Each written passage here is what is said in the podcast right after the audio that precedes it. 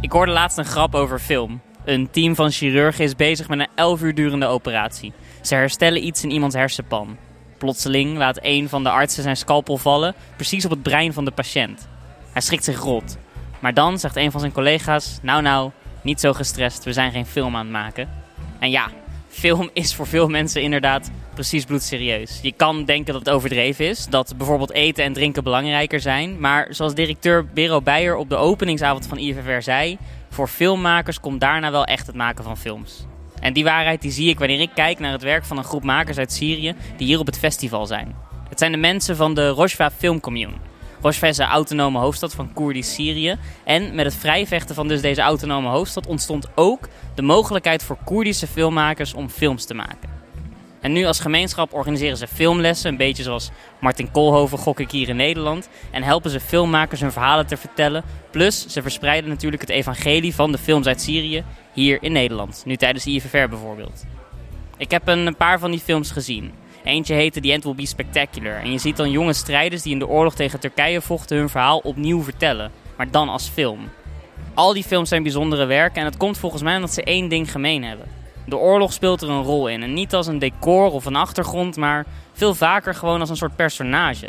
Zoals je in de films van Woody Allen, Woody Allen altijd zelf een beetje te zien krijgt in een andere gedaante. Zo zie je in de films uit Rojva steeds de gedaante van oorlog opnieuw, maar wel op een andere manier. Sterker nog, soms zie je ze afgewisseld, de beelden van oorlog, met beelden van fictie, met acteerwerk. En daardoor versterken die twee elkaar. Ja, dat die films een plekje krijgen is in mijn ogen mega belangrijk. Ik zou zelfs durven zeggen, het is een van de belangrijkste redenen om een filmfestival te organiseren. Dat je dan dit soort nieuwe stemmen aan het woord laat. Dat je die mensen een kans geeft en laat zien hoe bloedserieus dus filmmaken kan zijn. Tijdens een lecture vraagt iemand in de zaal onschuldig: Is het moeilijk om films te maken in de oorlog? Een van de makers zegt: Nou, die oorlog is er altijd al geweest en die verrast ons eigenlijk niet meer. En zo bewijzen ze Film is misschien niet belangrijker dan eten of drinken, maar is in ieder geval wel belangrijker dan oorlog.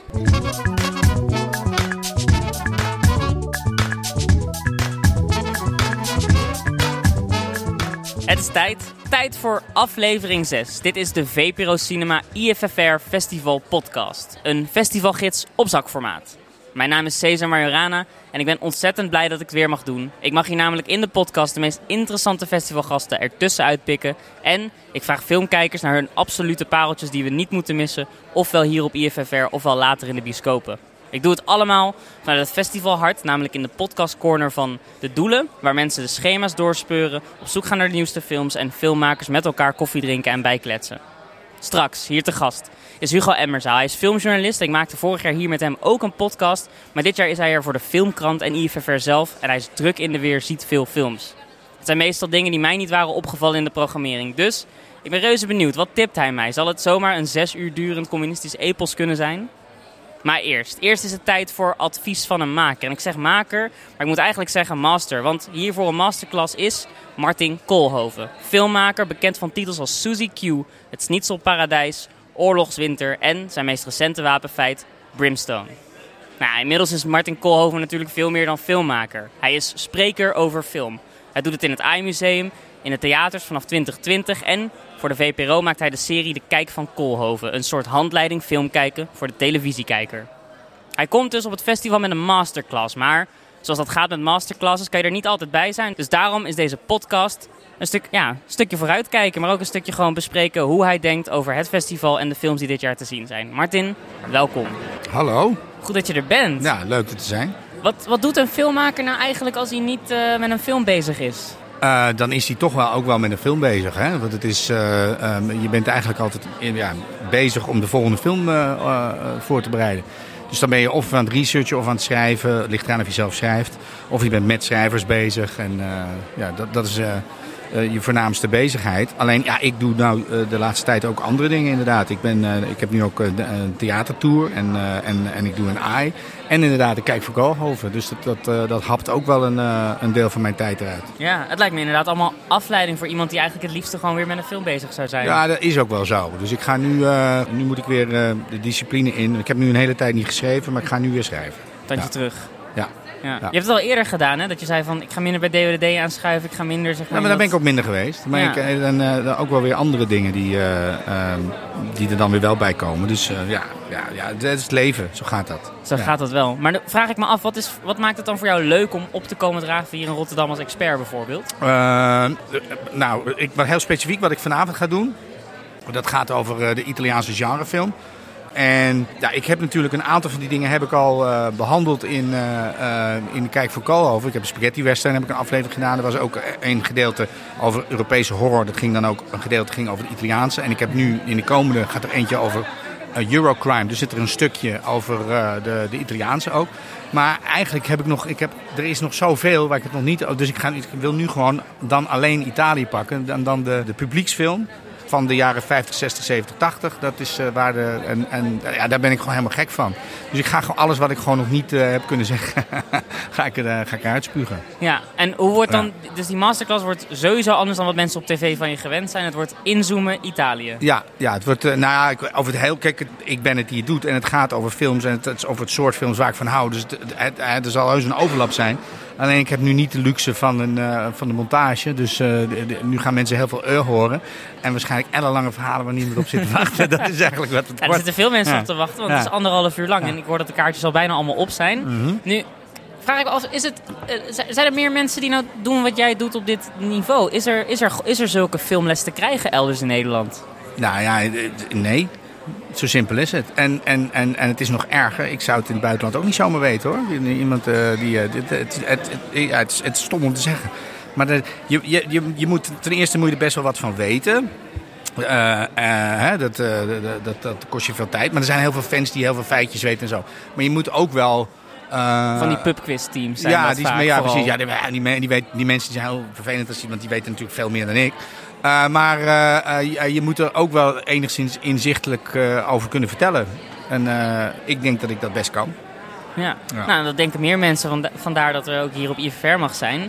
Nu, vraag ik me af, anderhalf uur tijd, waar hoop je dat mensen zo meteen de zaal mee uitlopen? Wat weten ze dan wat ze daarvoor nog niet wisten? Nou ja, wat ik ga doen is ik ga gewoon proberen om aan de hand van fragmenten te laten zien waarom ik dat zo leuk vind, die eh, Italiaanse film. Wat is nou zo'n parel van een fragment die ertussen zit? Oh ja, god, er zit een. eh, nou, la- laat ik beginnen met waar ik mee begin. Dat is The Devil's Honey. En dat is een eh, krankzinnig, eh, krankzinnig fragment.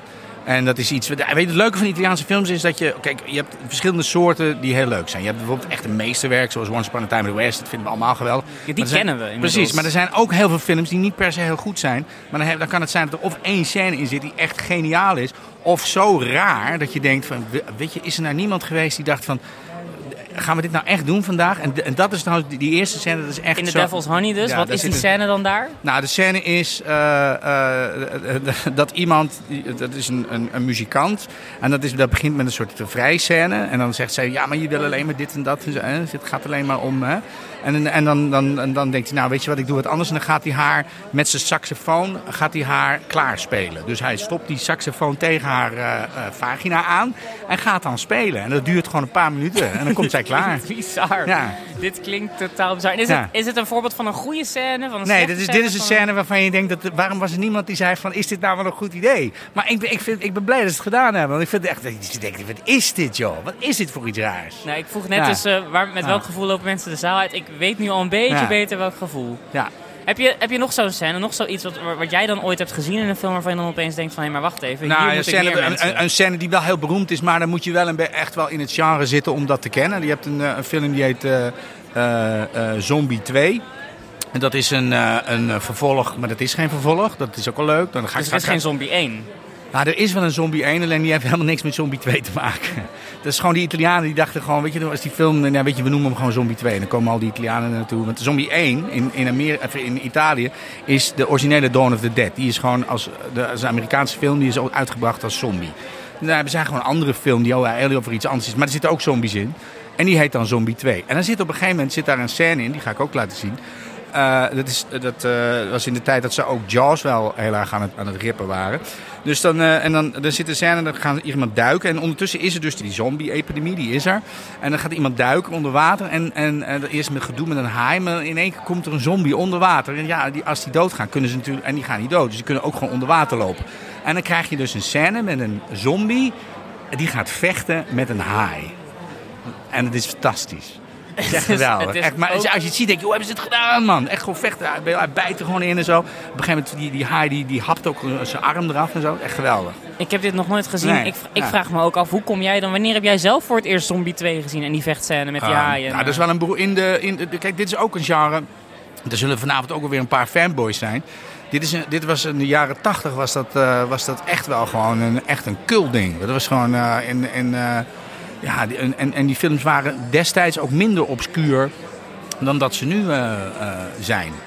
Minder in Ja. een niche te, te vinden. Dat ja, nou, die, die, de die, dus, die kon je gewoon, die, die, die, film lag gewoon in de videotheken. Ah. Ja. En eh, ja, als je dan van zombiefilms houdt, en het waren best wel veel mensen, dan kom je vanzelf bij die film uit. In zo'n masterclass, is het dan voor jou belangrijk om mensen te leren waar naar te kijken? Wat ik nu een beetje van je meekrijg. Je hebt gewoon ontzettend veel voorbeelden van dingen die Ja. wij nog niet hebben gezien misschien. Of vind je het belangrijker om mensen te leren hoe ze moeten kijken? Eh, in, in de serie is het een beetje om en om. Is het, eh, is het eh, allebei. Hè? Dan pak ik soms een scène die ga ik heel erg analyseren. Dan gaan we uitleggen hoe het gedaan is. Dat vind ik heel leuk om te doen. Maar vanavond had ik gewoon echt, ik wilde gewoon veel laten zien. Oh. Dus ik ga gewoon eh, en het probleem is dat het natuurlijk maar anderhalf uur is. En ik, ik, ik had de eerste fragmenten gegeven. Dit gaan we doen. Toen zei ze, ja, maar Martin, dit is gewoon alleen al aan materiaal al twee uur. Het was al 115 minuten of zo. Nu vraag ik me af, wat is een film die elke aspirant filmmaker absoluut gezien moet hebben? Staat Niet wat je nu niet kan laten zien, maar waarvan je wel zegt van als je nou thuis Ah. deze podcast luistert, zoek het op, ga Ja, kijken. je moet, je moet eh, eh, kijk, ik heb heel vaak gewoon mijn, mijn, eh, mijn favoriete films. De Once Upon a Time in the West, Some Like It Hot, Touch of Evil. Die moet je allemaal zien. Maar eh, sowieso, je moet, eh, als veel, je moet verder kijken dan alleen maar wat nieuw is. Dat is het. Je moet ook de oude meesters kijken. Je moet Orson Welles moet je kijken. Je moet Hitchcock moet je kijken. Want dan snap je waar het vandaan komt. En je ziet gewoon heel goed de technieken die, eh, die zij gebruiken. En eh, eh, ja, het, ik, ik, ik snap niet dat je als, als je. Eh, dat, dat deden de schilders ook. Die keken ook naar de oude meesters en zo. Weet je? En dat hoor je gewoon als, eh, als, als filmmaker ook te doen, vind ik. Is het zo op dit jaar op IFFR dat ze de Tiger Burns hebben eh, gelanceerd? Het is een programma waarin ze aandacht geven aan oud-filmmakers die eigenlijk een beetje in de vergetelheid zijn geraakt. Oh, ja? En wat ze dan doen is, ja, ze kiezen mensen op die vroeger gewoon heel baanbrekend waren. En inmiddels gewoon op leeftijd zijn. En misschien naar IFFR zeggen dus, minder makkelijk ertussen komen. Omdat Ja. de focus steeds meer ligt op jonge talenten, jonge filmmakers, debutanten. Maar zeker op festivals is dat zo. Dat is een, eh, bijna, eh, de- het is een, eh, een, een bijna perverse behoefte om, om de nieuwe dit of de nieuwe dat steeds te willen ontdekken. En daardoor, ik, ik snap dat wel. Ja. Ja. je dat we ons doodstaren op vers bloed en talent? Nou, op zich is dat ook leuk. Dus het is niet zo dat het, dat het, dat, dat verkeerd is. Alleen, eh, het, het, het is wel jammer als dat ten koste gaat van heel veel wat er ook goed is. En wat, wat je gewoon niet... Het is, je ziet het toch ook gewoon... eh, ehm, eh, de, de, DVD-markt ligt op zijn gat. We hebben geen, al lang geen videotheken meer en zo. Je hebt nu dus eigenlijk voornamelijk die streaming dingen. Nou ja, probeer maar iets te kijken wat, wat uit de jaren 40 of 50 komt. Het is er gewoon niet. Dat is gewoon jammer. Hey, en hier op IFR blijf je nog even hangen na je masterclass? ja, blijf even hangen. hier- Gaan we een biertje drinken. Maar filmkijken zit er niet in volgens mij. Mm. Nee, ik moet, eh, ik moet, nee, nee, nee, nee, nee, ga ik nu niet doen. Nee. Ben nee, joh, God, als, je, als, je, als je net, als je komt, dan heb ik net dat podium gedaan. En dan, eh, dan, eh, dan sta je stijf van de adrenaline en dan, dan ga je niet rustig in de film zitten. Nee. Nee. Ben je, je bent überhaupt geen, geen festivalman, hè? Nee, ik ben niet echt een thuis. festivalman. Ja, nee, ja, god, weet ik vind eigenlijk dat festivals, dat daar films bijna altijd onder of overschat worden. En worden altijd vergeleken met andere films die dan maar toevallig daar ook draaien en zo. En, eh, het is ook, eh, het, het, tuurlijk, het is ook wel zo dat ik ook wel op festivals geweest ben waar je dan iets ziet wat je anders niet zou zien. Dat is wel heel interessant. Maar ik heb ook zo vaak meegemaakt dat je dan ergens inloopt en, het, en ah, dat is hier een een of andere saaie rotfilm te kijken. Dat, dat, eh, Het gaat bij jou in de masterclass niet gebeuren, volgens mij. dat wordt zo, sowieso wordt het niet saai. Dat is... Nou, onder water ja. vechtende zombies, Martin, ik Nee, begrijp ja, genoeg. Dankjewel dat je in ieder geval voor iemand die dan toch niet zo graag op een festival rondbanje het wel Ja. even aanschoof in deze Voor jou podcast. doe ik alles, toch? Dat weet je. hey, te gek man Martin, nee. dank je. De Kijk van Koolhoven, het tv-programma, is vanaf 21 februari elke week te zien. En in het nieuwe theaterseizoen gaan natuurlijk kaartjes in de verkoop voor klassiekers met Koolhoven.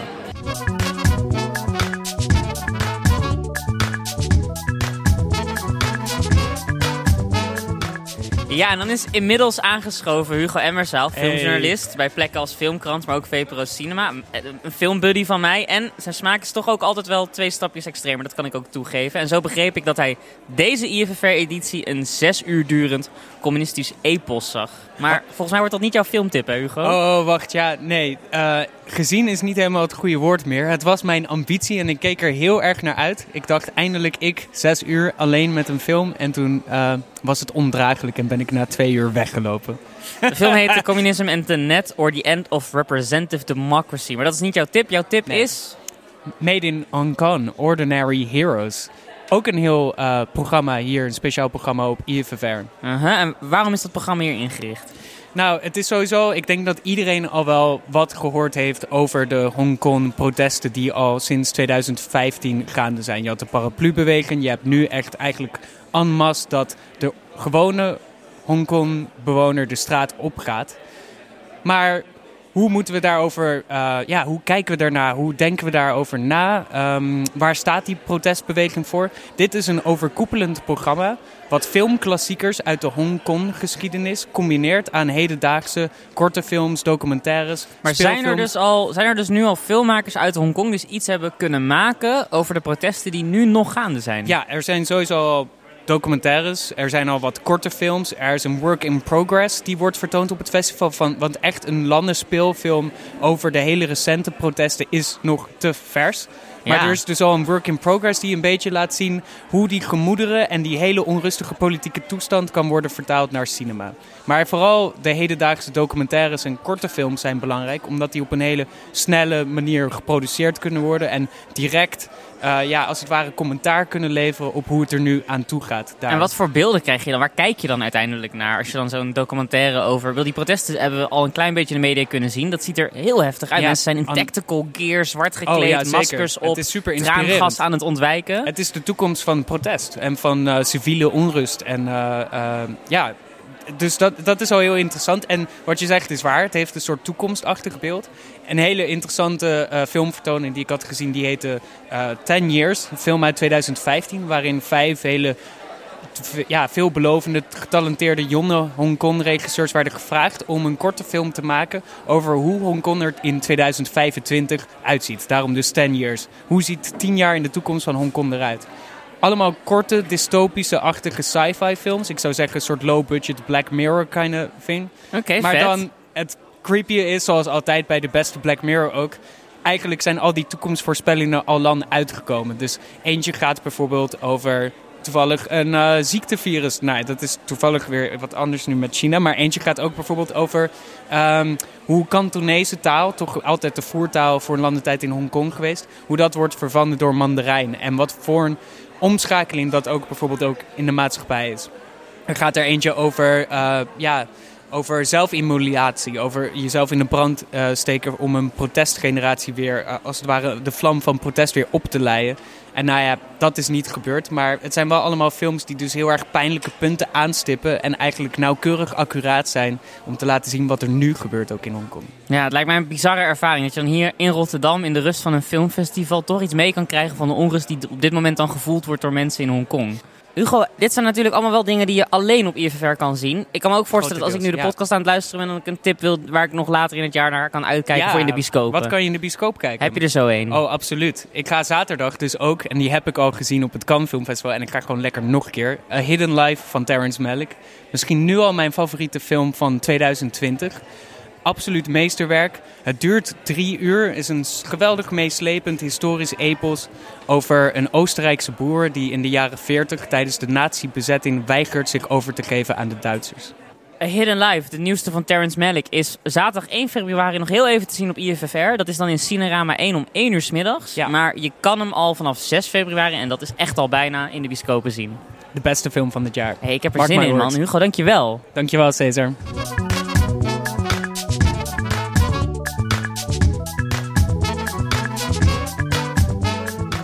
Dit was hem voor deze aflevering. Dus bedankt. Bedankt voor het luisteren, bedankt voor je aandacht. En als je even gek bent op films als ik of Martin Koolhoven... dan kan ik je aanraden om op de website vpro.nl slash cinema te kijken. Daar staan meer filmtips, ook voor Netflix films. En vind je de rest van onze IFFR-reportages. Luister morgen weer naar deze podcast en dan spreek ik festivaldirecteur Bero Beijer. Hij werd hier ooit onthaald als de Obama van IFFR en nu stopt hij. Ik ben dan wel benieuwd, hoe gaan we terugkijken op zijn jaren hier? Wat voor festival laat hij precies achter? Maar dat is allemaal morgen. In de tussentijd kun je als je wilt, maar dit is allemaal vrijblijvend, een reactie achterlaten in je favoriete podcast app. Zoals ik altijd zeg, niks moet, maar bedankt voor het luisteren.